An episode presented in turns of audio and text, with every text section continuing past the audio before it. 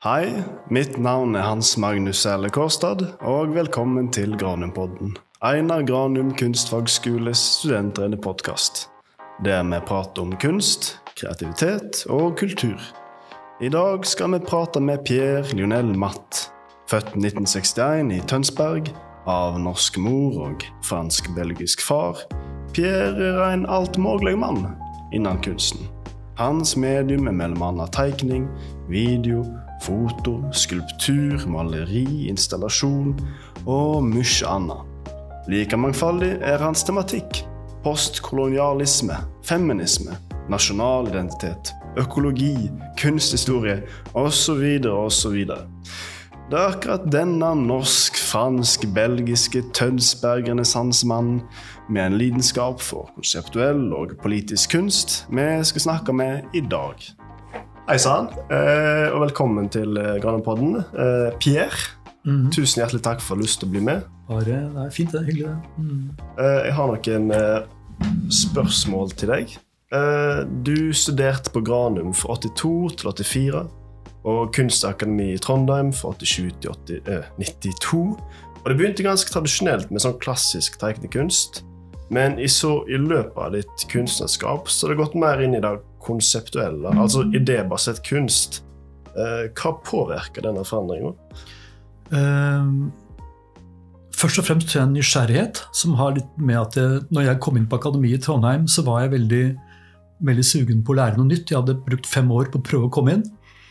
Eh, og, og bare det å komme inn gjorde, ble, gjorde meg veldig motivert for å prøve å ta til meg mest mulig av den. Og så jeg tenkte at nå har jeg fem år på meg, eller fire år, til å lære mest mulig om ting som var, eh, jeg visste var nytt for meg. Og så tenkte jeg liksom at eh, hva jeg skal gjøre, det kommer etter hvert naturlig. Så var, det var en rett og slett nysgjerrighet og en veldig glede over å, å bli utsatt for helt nye ting. Det, det, var, det var det ene. Altså denne med nysgjerrigheten. Og det andre er vel at jeg tidligere hadde jobbet som illustratør. Eh, og da blir man liksom Det passer meg å jobbe altså jeg, jeg, jeg liker ideer. Jeg har med, vært illustratør, jobbet med tegneserier altså før akademiet. Og da forholder jeg meg alltid liksom til en fortelling, da, eller ideer. Og så oppdager jeg vel også etter hvert at den kunsten som traff meg, som traff meg rent sånn intuitivt, um, som vekte interesse og nysgjerrighet, det var uh, idébasert kunst. At jeg oppdaga rett og slett at, at over tid så oppdaga jeg at det som virkelig gjorde at jeg fikk lyst til å jobbe, det var når jeg møtte uh, mer, ja, mer idébaserte kunstverk. Mm. Mm. Så du brukte hele fem år på å komme inn på akademiet? Du... Jeg brukte først tre år på å komme inn på Kunsthåndverksskolen uten å komme inn. Og så gikk jeg på Granum, og så søkte jeg fem år etter hverandre ja, før jeg kom Mm. inn i Trondheim. Så jeg brukte åtte år da. Ja, Mm. Så det var en stor sånn strid, da. Eh, Det var sikkert masse sånn der self-searching i de Mm. åra. Ja, altså det, altså det er eh, Jeg holdt jo hele tiden på Jeg malte ved siden av, liksom. Hadde malte hjemme, hadde litt atelierperioder. Og, og ved siden av så gjorde jeg alt fra vaske gulv Jeg vaska gulv i tre år. Var renholds, renholdsarbeider i tre år. Jeg jobba med solidaritetsarbeid, jobba som illustratør i en, i en, i en, en søramerikansk eh, kulturorganisasjon en tid. Og, og så begynte jeg å undervise her, før jeg kom inn på akademiet. Ja, så du var først der undervist, og så kom du inn på Mm, akademiet? Ja, ja. Ok. Mm. Ja. ja, for du dro litt rundt om i verden, du. Polen og eh, Sør-Amerika og overalt, egentlig. Ja, altså det var nok det var det at eh, Det er flere grunner til det. En var at i og med at jeg kommer fra en bakgrunn med, hvor familien er spredd over tre land, så det her med å reise og det å, å treffe folk med en annen bakgrunn, det har liksom vært helt naturlig for meg helt fra jeg var liten. Eh, Men det andre er at midt på 80-tallet så jeg, ble jeg en del av en, en chilensk eh, storfamilie som var politiske flyktninger. og Jeg hadde familie der med dem og kom veldig tett på en, en søramerikansk kultur hvor jeg ble akseptert. Altså det var den første gang jeg følte en sånn total aksept av den jeg var. Så jeg hadde, levde veldig tett på eh, flere år. Det var, og det var rett etter at jeg hadde gått på Granum. Og det førte til at når jeg da var ferdig med Kunstakademiet i Trondheim, så var det ikke at dette her var da i 92. Muren falt året før. Eh, vi var jo generasjon eh, kald krig som hadde hele tiden blitt matet med at det som var på andre siden, var bare grått og intetsigende og, og kjedelig. Eh, Så igjen var det den nysgjerrigheten at jeg, jeg, var, jeg, jeg er generelt interessert i historie. Jeg tror ikke at ting er så enkelt som propagandaen sier. Og da tenkte jeg at ok, alle andre skal til New York og London. Jeg drar motsatt retning. Da drar jeg østover.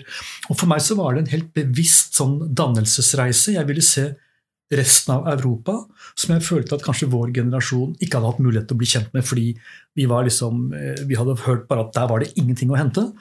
Men jeg visste jo at det var masse der. Og så var Det at vi, det er to ting. Vi hadde en gjestelærer fra Polen på Akademiet Trondheim som inviterte meg over. Og da fikk jeg en konkret anledning til å bli knytta til en familie der og et miljø der. Så jeg først, dro først til Polen.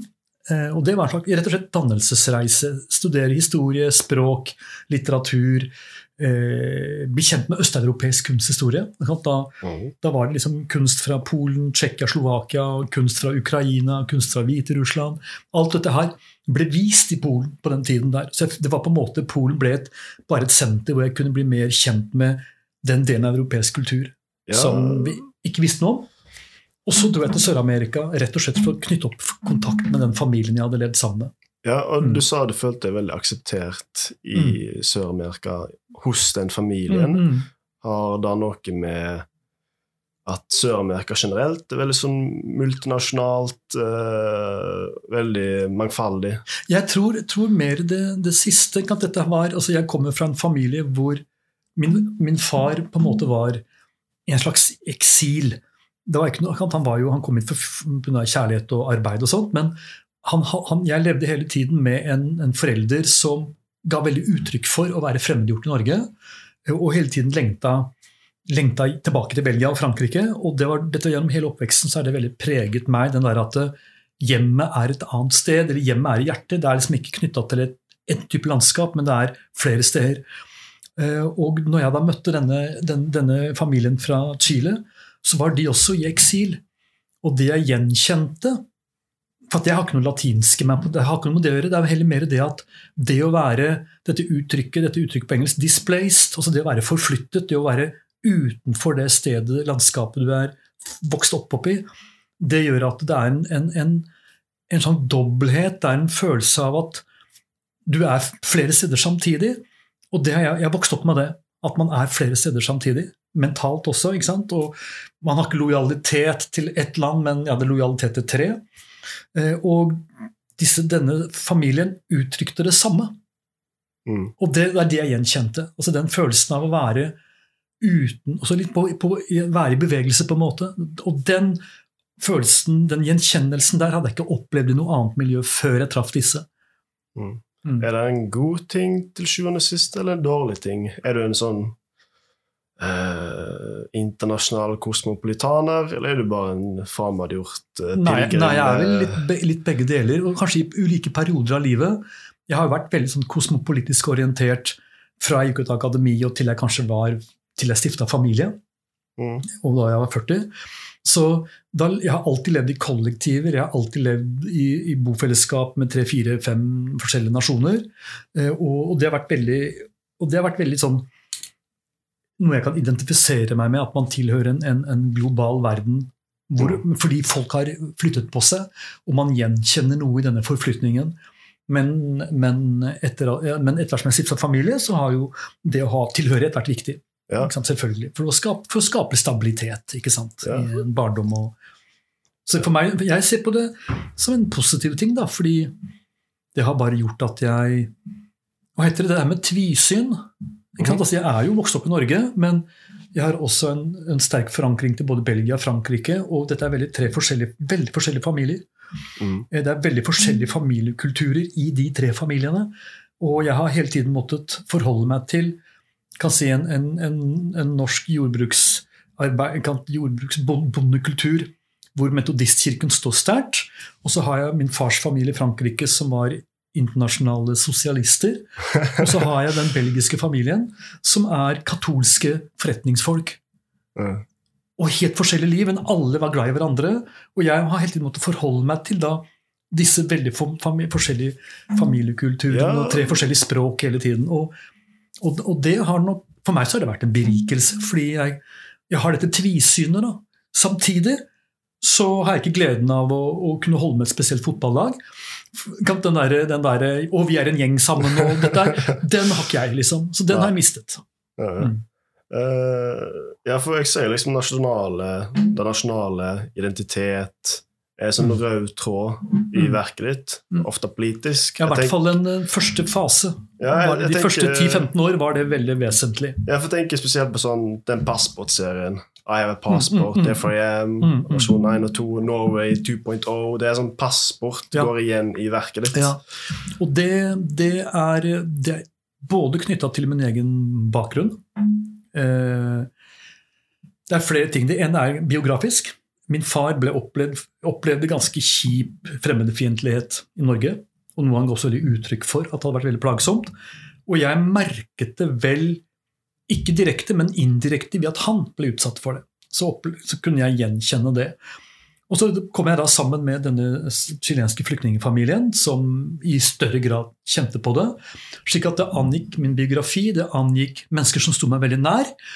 Men det tredje var jo det at eh, på 90-tallet, når jeg da liksom var ferdig med akademiet, så ble dette her med, med, med identitetsspørsmål og dette med det postkoloniale og dette med migrasjon, det var noe jeg også møtte i kunstverden. Ja. Og jeg gjenkjente meg det. Så det var, kan si at jeg, jeg ønsket å ta både utgangspunkt i min biografisk, min egen erfaring, men i tillegg var det viktig for meg å koble meg til eh, tankestrømmer i, i kunsten internasjonalt som jeg kunne kjenne meg igjen i. Og ak, det var noe med timingen. For når jeg dro, jeg dro til Sør-Amerika, da møtte jeg veldig mye kunst som handla om dette her å være i eksil, det å være, ja, i, være i, i migrasjon, det å være i bevegelse. Så jeg møtte også en del kunst som handlet om identitetsspørsmål. Og så merka jeg at det traff meg følelsesmessig, og det traff meg intellektuelt. Og i, i dag er jo Og det var en timing der, at Mm. det kom samtidig. Mm. Ja, og I dag er jo identitetsspørsmål rundt da veldig utrolig relevant i politikken. Mm, mm. Spesielt med tanke på seksualitet, Mm, mm. og vi har første- andre- og tredje generasjons eh, flyktninger og migranter Mm, i ja. Norge, og det er veldig veldig relevant. Så Absolutt. litt, litt bitte litt ahead of your time, da, på et, på et vis. Ja, det, vi, var ikke som, det var, vi var en liten gruppe kunstnere i Norge fra midten av 90-tallet som tematiserte det.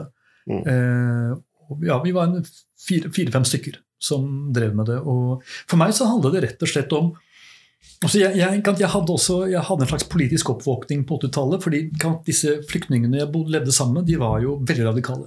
De var jo politiske flyktninger. og Far var jo myrdet av, av, av chilensk sikkerhetspoliti. og han som var min svoger, han sto på en dødsliste. Så dette, var, dette var eh, veldig seriøst. For, var i, jeg levde tett på mennesker som hadde vært risikert å bli- tatt livet av. Det var Pinochet i sitt Ja, ja, regime. ja, Mm. Pinochet. Og, og, så det gjorde, nok at jeg våkna, våkna politisk. At jeg hadde jo levd i et trygt Norge, og, og, og plutselig var jeg nær mennesker som hadde flyktet for livet. Eh, Så jeg kom ut av en, kanskje en sånn boble, på en måte, da, en trygg boble fra Tønsberg. Eh, Men det gjorde at jeg ble også mer politisk engasjert. Og, Mm. og man kan si at det var flere heldige ting Eller kommer an på om man ser på om det var heldig eller uheldig, men i hvert fall det var flere ting som plutselig møttes. Det var min personlige biografi, og så denne politiske bevisstgjøringen da, mellom, mellom med de menneskene jeg hadde møtt. Og i tillegg at jeg møtte jeg, jeg, jeg, jeg fikk oppleve en kunstverden internasjonalt gjennom at jeg reiste. Ikke for at jeg var aktiv, men for at jeg reiste hos, som publikummer. Så traff jeg kunst som snakka til meg, fordi det handler om det samme. Og det fjerde var vel det jeg husker at jeg hadde en beslutning om, sånn midt på 90-tallet, at jeg hadde lyst til å jobbe med temaer i Norge som jeg så lite av. Mm. Det her med, med det her med eksil og migrasjon og sånt, det var, det var lite av det i Norge. Og jeg vet at jeg helt bevisst ønsket å jobbe med det, for jeg syntes, jeg syntes det manglet. Mm. Jeg hadde sett det liksom i Sør-Amerika, jeg hadde sett det nede i Europa. Men så var det liksom fraværende her, og jeg tenkte at jeg hadde lyst til å bidra. Jeg husker at jeg tok et valg, at jeg skal jobbe i Norge. Og jeg har lyst til å hente, liksom bidra i Norge med min stemme på de tinga, impulsene jeg hadde sett utenfra. Ja, jeg, Det husker jeg at jeg tok et valg, jeg tok et valg på det. ja, for jeg ser jo at du har inkorporert Norge inn i kunsten din, f.eks. med den Israel-Palestina-konflikten. da. Mm. Det å lage feil status map. Mm, mm. Det skal være en sånn imaginær eh, versjon der Norge har vært okkupert av, av Sverige. da. Ja, mm. og så etterlikne de få territoriene så fortsatt er norske. Eh, stasjonen til Palestina i Israel. Ja, ja. Grunnen til at jeg gjorde det, var at uh, når, jeg kom, når, jeg kom, fra Sør-Amerika, så hadde jeg begynt å lese, lese, en del kritisk litteratur om politisk kunst som prøver å snakke på vegne av andre. Kan type vestlig kunstner med dårlig samvittighet som prøver å gjøre kunst om fattige barn i Afrika. ikke sant? Og, og jeg leste en del, og som er ofte vel, velmenende, det er ment godt, men, men, det blir feil fordi det er, det er noen som blir snakket på vegne av. Og jeg leste en del veldig kritisk litteratur rettet mot den type kunst, og jeg følte meg veldig truffet av det. fordi jeg var kanskje en person som kunne tenke meg å gjøre ting på vegne av andre.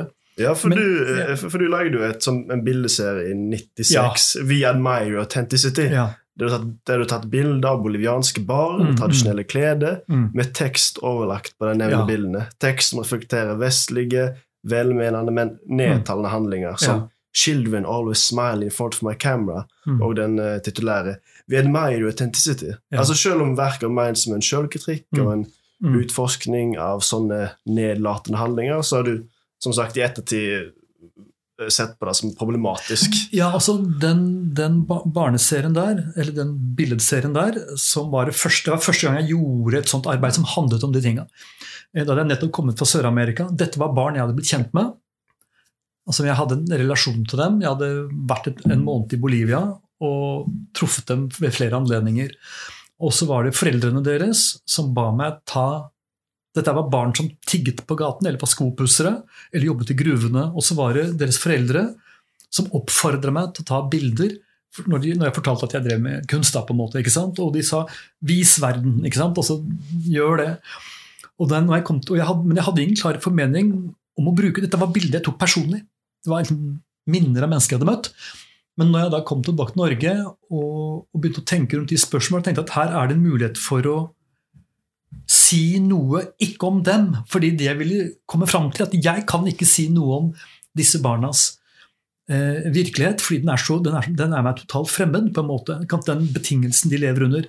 Men det jeg kunne si noe om, var de holdningene jeg tar med meg mm. når jeg kommer som backpacker og med returbillett. Så jeg ville egentlig vise bildet av dem, men teksten skulle ligge mellom meg og dem, slik at det, dette er et blikk som snus. Altså det er som at jeg holder opp et speil. slik at det jeg ser, er ikke dem, det jeg ser, er mine egne holdninger. Ja. Det var tanken. Og det var riktig å gjøre da. Fordi dette her var da bilder som var kommet fram under spesielle omstendigheter, som var personlige for meg. Men så tenkte jeg at hvis jeg, jeg kunne ikke fortsette liksom å gjøre karriere på den måten der. Jeg kunne liksom ikke nå reise tilbake og oppsøke eh, barn på gata for å lage liksom, liksom selvkritiske bilder. Mm. Eh, fordi da handlet det om at jeg, jeg bruker altså ansikt, ansikter til folk, til mennesker, uten at de egentlig har noe påvirkning på hvordan dette bildet blir brukt. Altså, det ble på en måte, De ble et middel, ja. de ble et middel, og jeg tenkte at det kan jeg ikke gjenta. og Det er det jeg mener var det problematiske ved det. ved at jeg, ved at jeg, jeg står for det jeg gjorde den gangen, men jeg kunne liksom ikke reise, jeg kunne ikke blitt en kunstner som drev med det. Nei. Det ville vært problematisk. ikke mm. sant? Mm. Ja, for Jeg tenkte med en gang på sånne bilder du ser på Facebook eller Instagram mm. av litt sånn rike, mm. middelsklasse amerikanere, europeere som går stikke til Afrika og Sør-Amerika og tar bilder av folk i tradisjonelle klær og ja. barn. og sånn, å, De er så autentiske, og de lever mm. livet sin nær naturen. og Det er sånn, ja. Ja, det er litt sånn nedtalende. Ja, Det var den type holdninger jeg ønsket egentlig å avdekke hos meg sjøl. Mm. Eh, og jeg følte meg også truffet av disse, at jeg tenkte at yes, yes, dette er disse holdningene jeg har med meg fra min bakgrunn. Eh, og det da, jo, da hadde jeg, begynt, jeg hadde begynt å lese meg opp på veldig, veldig kritisk litteratur rettet mot europeeren. Mm. Skrevet av, av, kunstnere som har drevet med dette her i 30-40 år. Og da tok jeg noen runder med meg sjøl og fant ut at det eneste jeg kan si noe om, er faktisk min egen erfaring. Jeg kan ikke snakke på vegne av andre mennesker. Jeg må ta utgangspunkt i mine egne fordommer. Da tenkte jeg at dette her ligger i meg. Dette har jeg fått som en arv. Og da tenkte jeg at da kan jeg begynne å, å granske heller mine egne forutsetninger. Og det førte da til en dagbok som jeg begynte å skrive i 1997. Hvor jeg sånn usensurert skriver ut alle de innerste forbudte tankene som oppstår når jeg møter mennesker som er annerledes enn meg sjøl. Ja, ja jeg, jeg, har sett den, den serien. Altså, det er sånne små hvis jeg husker riktig Man, Ja, står, man står på metroen eh, Ja, på T-banen, ja, og så er det noen eh, folk med litt brunere hud. Og det er liksom, Ja. litt, litt sånn småredd. Ja, Liksom. ja, absolutt. Og, det her, og dette er eh, en dagbok som er ganske autentisk. For jeg samla tekster over flere år, og tanken var å analyse, eller hva heter det, granske hvor disse impulsene kommer fra. For jeg tror, jeg tror at disse impulsene er ganske allmenne. Og jeg tror ikke det er særnorsk, og jeg tror det er overalt. Og det kan også være helt det kan også, Jeg opplevde sjøl å få slengt gringo etter meg når jeg bodde i Bolivia. så, så så kan, den type, At man reagerer på det som er annerledes, det tror jeg er veldig latent. Men i hvor, hvilken grad det blir fiendtlig å bli en del av et større tankesystem, det tror jeg er noe man har lært seg altså Vi blir lært opp til det. Så jeg ville granske rett og slett hvor mye slagg som ligger nederst i min egen måte å omgås verden på. Hvor mye ligger der som en ubevisst respons som bare plutselig kommer. Ja. Og så et utvalg av de tekstene da havna da i dette, dette passprosjektet. Mm. Der ligger disse tekstene skrevet. Og tanken var at dette passet som er den offisielle identiteten det offisielle bildet av meg som jeg kan bruke når jeg passerer en grense, det er også et bilde av et fryktsomt menneske, og som har veldig mye irrasjonelle reaksjoner som ligger i, i, i bunnen der. da. Så det er, det er bakgrunnen for dette passprosjektet. Mm. Og siden du spurte om dette, dette med Palestina-kartet, så er det bare en forlengelse av det at jeg ble opptatt av Norges selvbilde som fredsnasjon, for den ble etablert i 1992 ved, ved Oslo-avtalen. Denne, denne samtalen mellom, Oslo og, nei, mellom Israel og PLO. Da ble Norge som fredsnasjon etablert, altså som en sånn merkevare. Og da leste jeg meg opp på litteratur skrevet av begge sider. og så begge de som hadde vært i forhandlingene, de skrev bøker om dette her. Og jeg har lest alle disse rapportene. Eh, Og, og det som da slo meg, var at dette var en avtale som ga, ga Norges Det var liksom den plattformen Norge liksom ble fredsnasjonen på. Mens avtalen var ganske tungt kritisert i Midtøsten. Og det er det paradokset at det liksom, vi, vi applauderte jobben her hjemme, men det ble liksom ikke drøftet kritisk.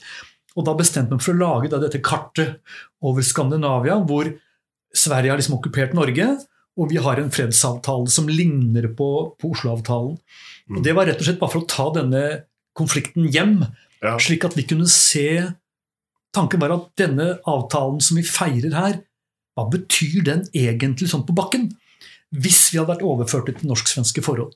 Det var tanken. Bare, bare igjen vise, holde opp speilet og vise ok, dette er konsekvensen av en slik avtale hvis vi hadde vært utsatt for noe lignende. Mm.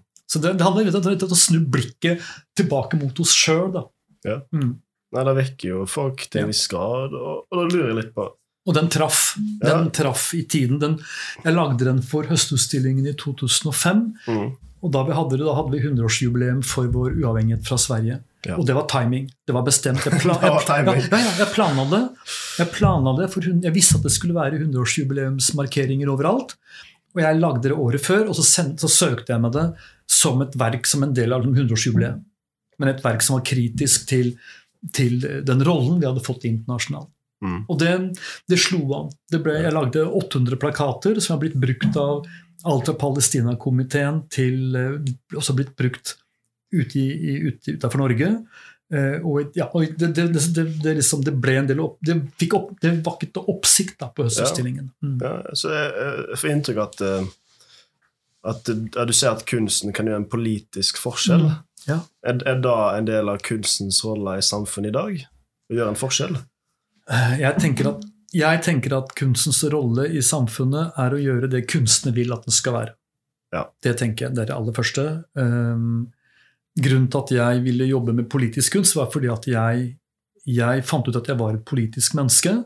Og jeg ville at kunsten jeg skulle lage, skulle være knytta til mitt liv. Det er et valg jeg tok. Det er jo kunstnere som jobber med helt andre ting, og hvor livet deres ikke nødvendigvis spiller direkte inn i det de gjør, men for meg så var det viktig. Og de kunstnerne jeg blir inspirert av, de, det er kunstnere som har brukt utgangspunkt i livet sitt. Altså det er Mm. Feministbevegelsen, f.eks. Jeg, jeg, jeg blir inspirert av det. Eh, Og, så jeg tenker at kunstens rolle skal være mangfoldig, den skal være åpen for det meste. Jeg valgte å gjøre det fordi jeg syntes det var en mangel Mm. på 90-tallet i Norge. Altså det, var, det handlet om mitt personlige behov, og så syntes jeg det faktisk manglet. Eh, når det gjelder polit, kunstens politiske rolle, så tenker jeg at den gode kunsten, altså kunsten virker ofte langsomt. Fordi den, Ja. bruker, den bruker tid på og, og ikke at den, Kunsten skal være både inspirasjon, det kan være trøst, det kan være ettertanke, det kan være opplysning.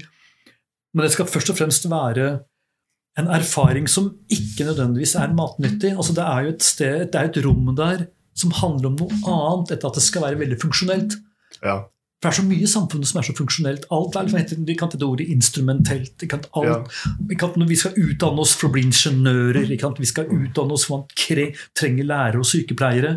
Altså, mye av livene våre er knytta mot en hensikt som ikke handler om fag i seg sjøl, men som handler om at det, er, det skal være nyttig for noe annet. Og jeg tenker at kunsten har nødt til å være siste sonen, Ja. som har egenverdi. Ja, det minner meg som et sånt sitat fra den der uh, Narnia-forfatteren eh, C.S. Lewis. Ja. Han sier at eh, kunst, vennskap, filosofi Ja. Det har ikke noe overlevelsesverdi. Det er ikke tak over hodet eller mat på bordet, Nei. men det er det som gir det er grunn til å overleve. Ja, ja, ja, Det har egenverdi Det er det i seg. Ja. Så, så aller først så har kunst egenverdi. Og så kan de kunstnere som føler at det er viktig å jobbe politisk, få lov til å gjøre det. Mm. Ikke sant? Og, og jeg tenker at ja, den kan ha en funksjon både fordi at den kan opplyse og gjøre kan Det kommer an på, det kommer an på hvilken måte man gjør det, eh, og for hvilket publikum man gjør det. Eh, hva er tematikken? Og det er få kunstverk som virkelig har politisk funksjon, også at det reelt konkret fører til en, en endring. De verkene jeg kjenner til som har, har det, de har ofte vært kjennetegnet ved at kunstnerne har insistert på den samme tematikken kanskje i flere tiår. som gir seg ikke, liksom kan holde på, holde på, holde på. Slik at det blir noe sånt vedvarende stemme som stadig liksom gnager. Mm. Da, da kan det slå inn da må det, kan, det, det må jo slå inn fra kunsten og inn i politikken. Da, eller det må slå inn, inn i forskningen, det må slå inn, inn i historieskrivingen. Det er jo først da den kan ha en, en virkning, tror jeg. Ja. Men jeg tenker at den kan ha en virkning eh, både som ren bevisstgjøring, opplysning og ikke minst inspirasjon. Mm. Jeg tenker det er jo mange hvis, man er, hvis man er aktivist da, og politisk engasjert Noe av det verste er jo å stå aleine. Og hvis man går på en utstilling og ser at der er det en kunstner som tar tak i det temaet jeg er interessert i som politisk aktiv, og liksom tenker at ok, jeg er sympatisk, så kanskje det hjelper til da, å holde motet oppe. Og tenke at ok, kunstnerne, forfatterne er på, de, skjønner problemet, de er på vår side. Og så får man kanskje mer energi til å, til å jobbe konkret politisk. da. Ja. Men jeg tenker at kunsten først og fremst har egenverdi, og, og hva som er politisk. altså for eksempel i en tid hvor det, Hvis det for er veldig veldig krav om at alt skal selge, og alt skal liksom være salgbart, da kan det å gjøre litt vanskelig tilgjengelig kunst være en politisk handling. Mm. Fordi den åpner et rom, eller den insisterer på et rom for tenking som ikke skal være lettvint. da. Nei. Ikke sant? Eller f.eks. i en tid hvor abstrakt maleri er forbudt, Mm. så vil det å være, male en svart firkant være en opprørsk handling. Ja. Så, det, er det, er, det er situasjonen da, som bestemmer om ting virker politisk, Mm. tenker jeg. Ja, jeg føler um, politisk kunst er litt mer chic i dag. Mm. Litt mer poppis. Mm. Er det ikke en fare for at uh, kunst som egentlig meint å skape en forskjell, blir institu Mm. institusjonalisert? Ja. Jeg tenker på Banksy, som Mm. lagde gatekunst og Mm. erta politiet og statsmakten. Mm. Og nå Ja. selger han på Sotheby's bare liksom flere millioner. ja. Jeg, jeg ser jo det, og jeg tenker klart at det er trender. F.eks. For eh, for, for 10-15 år siden så var det en utstilling på, på Kunstnernes hus som het eh, Gentle Action. Mm. Som var kuratert av en tidligere Granum-student, annet. Og det var den første mønstringen i Norge med økologisk basert kunst. Det er 10-12 år siden nå. Og da var det liksom Da var det på, på langt nær liksom en del av noen trend. Det var vel knapt noen kunstnere som kom og så den. De som var der, var folk fra Greenpeace og fra Natur og Ungdom. liksom. Mm. Men da var det liksom sånn Å nei, ikke sant? Og, å politisk korrekt og bla, bla, bla. ikke sant? Den type holdninger. Og så går det 10-15 år, så ser du at Dokumenta-utstillingen mønstrer det samme. ikke sant? Og da, er da har situasjonen nå er det blitt så pre prekært på en måte at kunstverden tar det virkelig inn over seg. Og det kan, Jeg kan liksom ikke beklage, jeg synes det er veldig bra når sånne spørsmål reises stort liksom, i sin bredde, brede forstand, for da treffer et mye større publikum. Mm. Men samtidig så kan det jo sikkert også være knytta til at det er trender hvor dette her på en måte er en måte å kanskje selge et publikumsprogram på, eller nå får man støtte til den type Nå, er, nå ligger penga i den retning. Altså kan man lage en utstilling om identitetsspørsmål, og så får man kanskje produksjonsstøtte. Eh, sånn, sånn, sånn, den faren er jo der alltid. Men jeg tenker at, eh, jeg tenker at kunstner, kunstnerne må bare egentlig følge sitt eget mm. Sin egen eh, liksom, ja. tenking om dette her. Altså det er, det er man kan uansett ikke styre disse trendene sånn fra som enkeltkunstner. Ja. Kan, kan, den hvite boksen altså, passifisere litt av beskjeden? Altså, ja, det at det, er, at, det er, at det er et gallerirom, liksom? Ja, gallerirom, at det er noe mm. du ser på galleriet, og så går du hjem mm. og tenker ikke mer på det. Altså, ja, ja, Det kan det være. Eh, det er vel også, det har alltid vært en, en, en kritikk, eller vært en kommentar mot kunsten som er politisk. Da, at den, når den vises et galleri, så er det stor sjanse for at den viser overfor mennesker altså Menneskene er i utgangspunktet enig. Mm. Fordi mange som går i gallerier, er liksom, de ser på seg sjøl som kanskje som opplyste, progressive. og at du, Kan det bli den der faren at du snakker til din egen menighet, på et vis? Mm. Uh, men derfor så har også kunstnere gjort mange forsøk på å komme ut av denne hvite boksen. Gatekunst. Ja, ikke sant? Mm. Men da tenker jeg ikke bare nødvendigvis, for da tenker du på graffitikunsten eller, eller street art? Ja, graffitikunst og ja. sånn uh, public action og Ja, ikke sant? Mm. Fordi det er jo, det er jo også en, en performance som går ut i gata og involverer folk der hvor folk lever. Og den siste dokumentautstillingen i år handla jo om det. Denne store mønstringen i Tyskland hvor hvor man hadde invitert eh, flere internasjonale kollektiver som bor tett på den sosiale virkeligheten folk opplever. Og så jobber de og lever og bor ja, i fattige strøk. Og, og, lar kunsten være en sånn dynamikk, en slags et, et, et, eh, verktøy i nærmiljøet. Og disse ble nå trukket, løfta fram på Dokumenta-utstillingen. Så jeg tenker at eh, det der med kunst som en, en del av en sånn sosial hverdagsvirkelighet er, er er både bra og nødvendig. Og mm. at det er og, og, mye av den type kunsten vil kanskje aldri gjøre suksess i et, i et, i et galleri. Ja. Eh, total digresjon, eller kanskje mm. ikke. Eh, du var jury eh, som valgte ut arbeidet mm, i høstutstillingen i 2008. Mm, eh, hva ser du hva, hva, slags kunst er det som klikker med det? Hva er, du, hva er det som påvirke valget du tar når du sier ja og nei til et mm. innsendt mm. verk.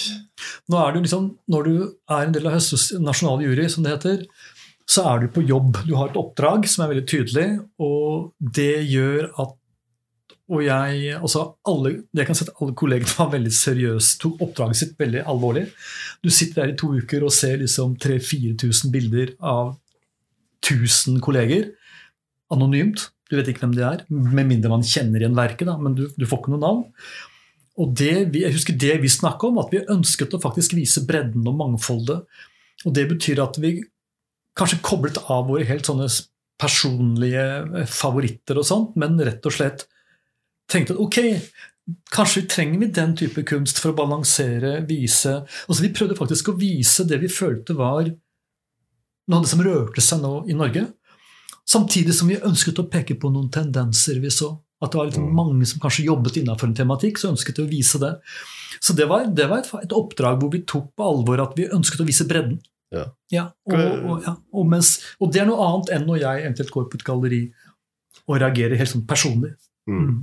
Hva, hva, følte du om årets uh, høstutstilling? Uh, vi uh, på Granum gikk jo innom der, mm. og vi gjenkjente jo mange kunstnere fra før av. Mm. Vi fikk inntrykk av at det var at i motsetning til sånn det var før, mm. så det var, det var liksom poppisutstilling, mm. følte vi da. Hva, mm. hva, er ditt syn på årets høstutstilling?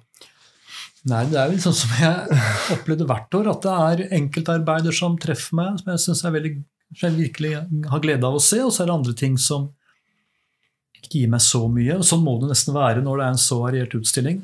Eh, Det jeg, det jeg likte eh, Noe som jeg syntes var fint å se, det var hele det arrangementet i den ene overlyssalen hvor det var mørklagt, Mm.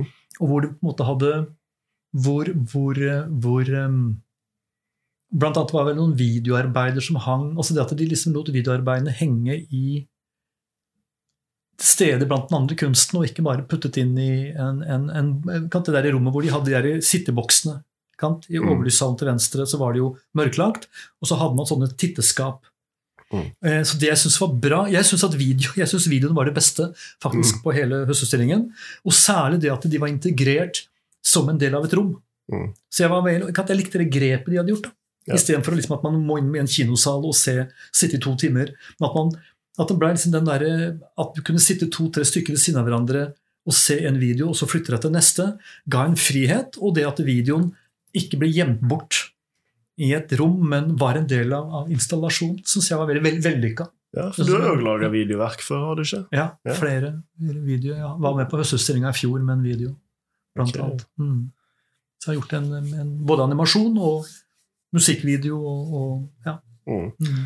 For å uh, komme tilbake til deg. Du har sikkert lagd veldig mange verk. Og mange verk du er glad i, og mange verk du kanskje ikke er så glad i.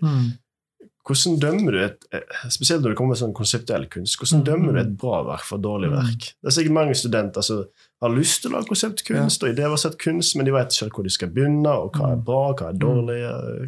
Altså Når det gjelder mine egne ting det at jeg har, jeg, Ja, jeg har vist ting som jeg angrer på etterpå, eller som jeg er flau over. Og da går det på dette. Jeg syns ideen er for enkel, den er for banal. Eh, altså God konseptkunst, altså det betyr at da må jo ideen Det må være hold i selve ideen, men så må den være uttrykt på en måte som gjør at det blir mer enn bare en illustrasjon av et poeng. Jeg, tenker f.eks. noe av den konseptkunsten jeg liker, som treffer meg personlig. Den må både tilfredsstille meg rent sånn intellektuelt, at jeg syns det er en jøss så godt tenkt, men så må det være en dimensjon til, og det må være den sanselige eller visuelle. At det må være noe, noe med kanskje bruken av materiale som gjør at det forsterker ideen. F.eks. at materialer aldri er nøytrale, men at materialer i seg sjøl har en fortelling. Hvis det matches med, med ideen, så kan jeg tenke at jøss, det dette er godt gjort. Et eksempel er den lille terningen til jeg har vist dere til han Zildo Meireles fra Brasil. Denne lille terningen på et kubikkcentimeter som er laget av disse tre tresortene som er så viktige for folk som lever i Amazonas. Mm. Og, og man vet at er, den heter Kru, den heter Sydkorset. Man vet at den består av de tre tresortene som er forutsetningen for mat, eh, verktøy eh, og medisin. Og når man da i tillegg får vite at denne terningen skal presenteres på et rom på 200 kvadratmeter og være helt aleine, da åpner det seg et, et tankerom her som er svimlende. Eh, og, og ideen og materialet og utformingen, alt går sammen om å forsterke dette innholdet. Og så, blir, og så er det en, kanskje det er en poetisk dimensjon her òg. Ja. Så jeg synes at det må være både ideen, materialet, presentasjon, og at det bør være det bør være en, Jeg liker ofte at kunsten har en subjektiv stemme. At det er en personlig stemme. Mm. Hvis kunsten er for altså for kanskje, tek, altså, Hvis den er for rasjonell, på en måte, altså at det, den materielle tingen, eller hvis ikke det er en personlig visjon bak det, så faller jeg litt ofte litt ut. Jeg liker gjerne å se kunstnerens personlige holdning. Mm. Jeg syns det er interessant. Jeg liker det. Mm. Så materialitet er Ja. også, også viktig. Det er absolutt en del av, av, av, av ideen, ja. Mm. Mm.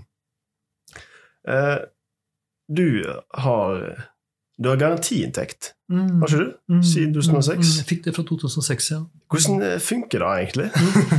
Aller først så kan du si at eh, Hadde jeg ikke hatt det, så hadde jeg vel knapt klart å lage så mye som jeg har gjort. Jeg, før jeg fikk garantiinntekt, så jobbet jeg på tre skoler. Og jobbet på atelier i helga. Og det var helt uforenlig med å ha et normalt, et, et familieliv overhodet. Så garantiinntekten gjorde at jeg kunne kutte to dager undervisning i uka. Og det betyr at jeg fikk enormt mye mer tid. Så istedenfor å undervise tre til fire dager i uka, så kunne jeg redusere til to dagers undervisning. og, og og ha et mye større overskudd og rett og slett begynne å, å få mer ut av min egen tid. Men det, fore, det foregår slik at eh, så er spørsmålet hvordan man får det, eller hvordan, hva, det betyr, hva det betyr i, en sånn, i praksis man, når man har det. Ja, jeg tenker hvordan man får det eh, Ja, nå, får man det nå får man det ikke lenger, fordi garantiinntekten ble fjernet av Stortinget for en 15 år tilbake. Så det er, så det er de som har garantiinntekt, de, hold, de får bevare den til de går av med pensjon. Garantiinntekt er bare en annen form for statslønn. Ja. Og du har til jeg, er 67. Og de, de blir ikke fornyet. Når, når da de som er 67, går av, liksom, så forsvinner den potten, altså garantiinntekten, blir borte. Og meningen er at den skal dø ut, med, forsvinne med kunstnerne når de går av med pensjon. Og isteden, og dette var en, en beslutning Stortinget gjorde for noen år tilbake under harde protester fra kunstnerorganisasjoner, men så fikk man isteden noen av disse bevilget, fikk man da midler til å opprette tiårig arbeidsstipend isteden. Ok. Ja, ikke sant? Slik at man konkurrerer liksom på lik linje med andre. Mm. Så, men for meg, så får det, da som fremdeles har garantiinntekt, så er det ment å være en basislønn som skal gjøre det mulig for deg å produsere selv om man kanskje da mister annen lønn. Mm. Hensikten er at du får det du får det etter å ha vært aktiv i ganske mange år.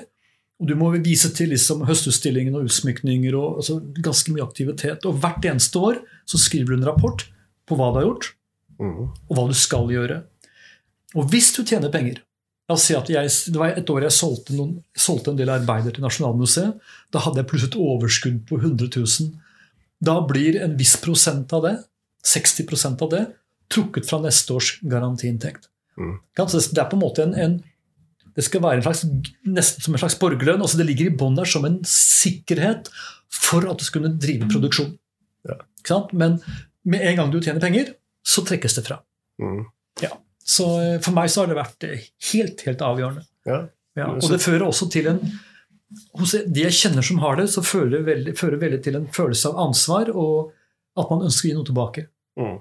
At man liksom tør ikke Man vil liksom ikke bare legge seg ned og, og hvile. Man føler, man føler veldig ansvar for at de pengene man har fått, må komme tilbake til, til publikum Mm. i form av arbeider. Ja. Er Norge sånn på den kunstneriske og politisk er vi på en god plass nå? Tar vi vare på kunsten og kulturen?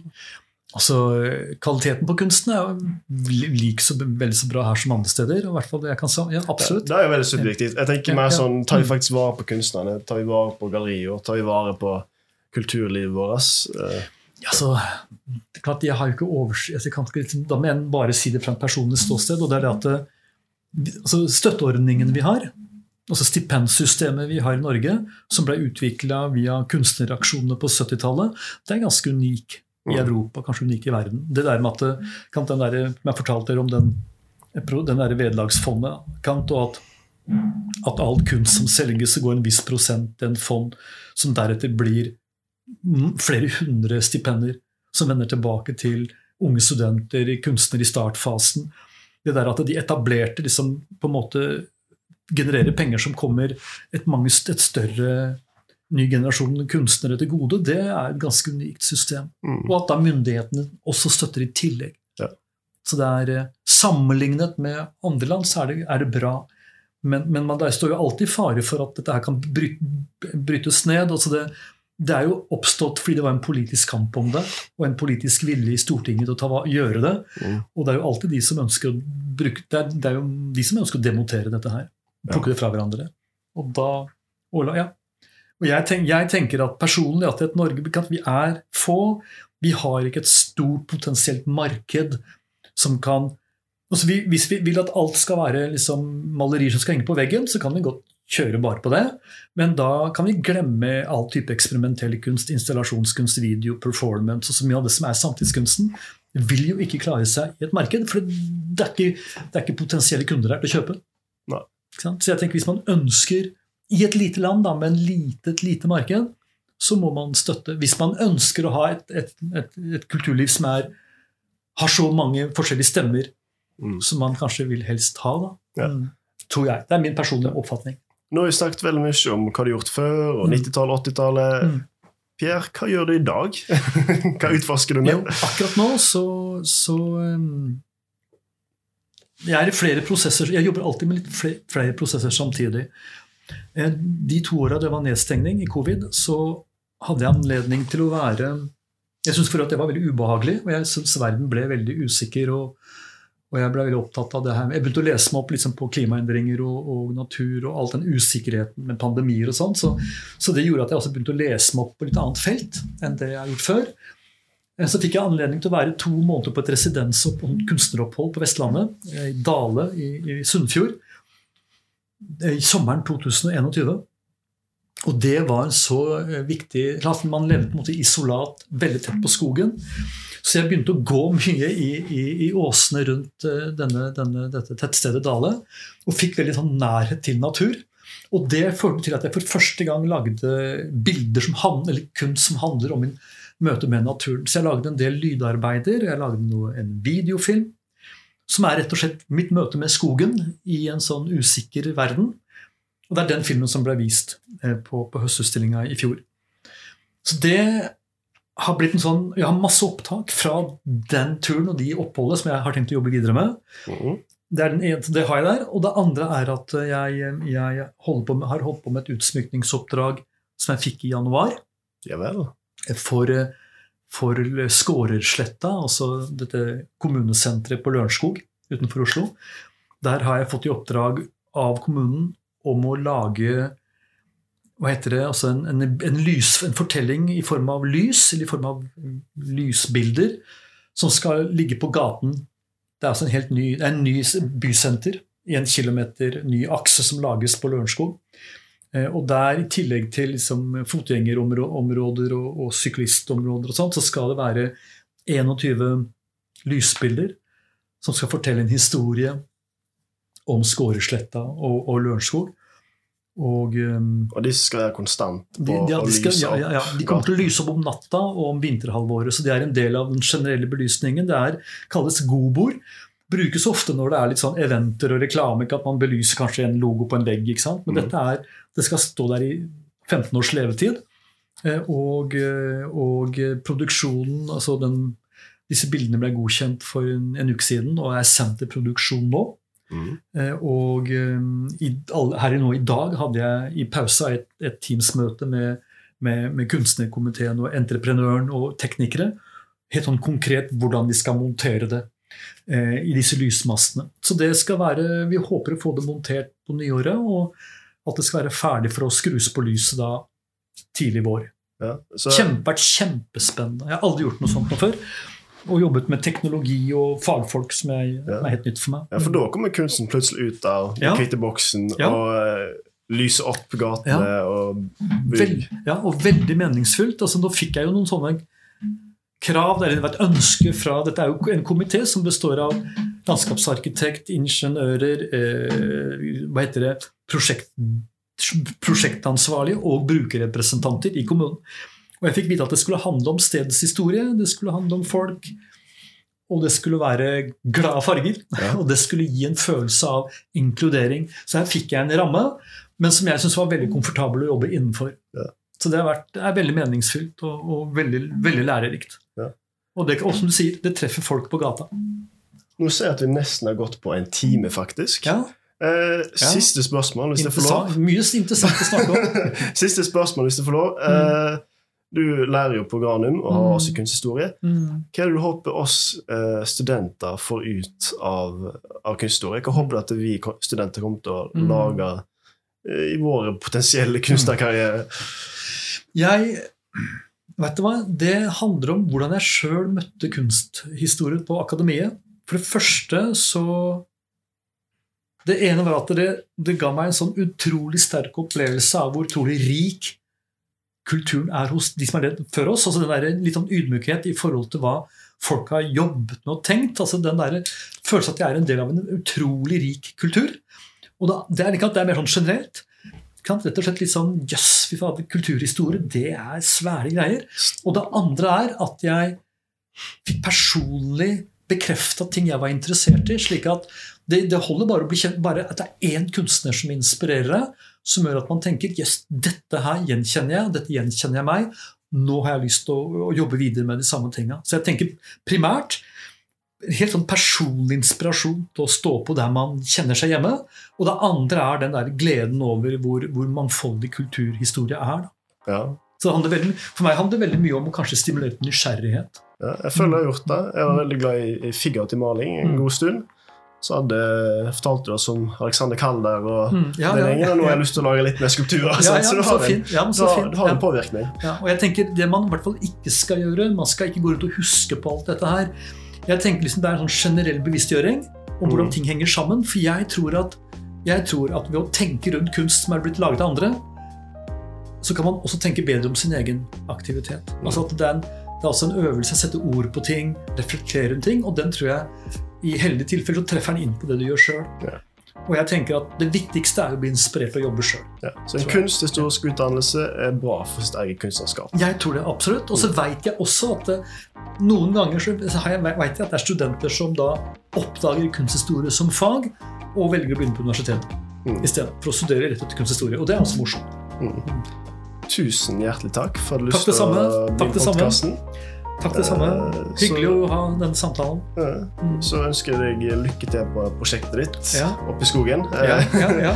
Og eh, så eh, snakkes vi. ja, det gjør vi. Og som sagt, med en gang denne utsmykningen er ferdig, så, så blir det annonsert at man kan gå på befaring og se den. Uansett kommer jeg sikkert til å ha en selvpresentasjon her på skolen hvor jeg viser dere hva jeg driver med. Vi gleder oss. Ja, Flott. Greit, da. Tusen takk. Takk det samme.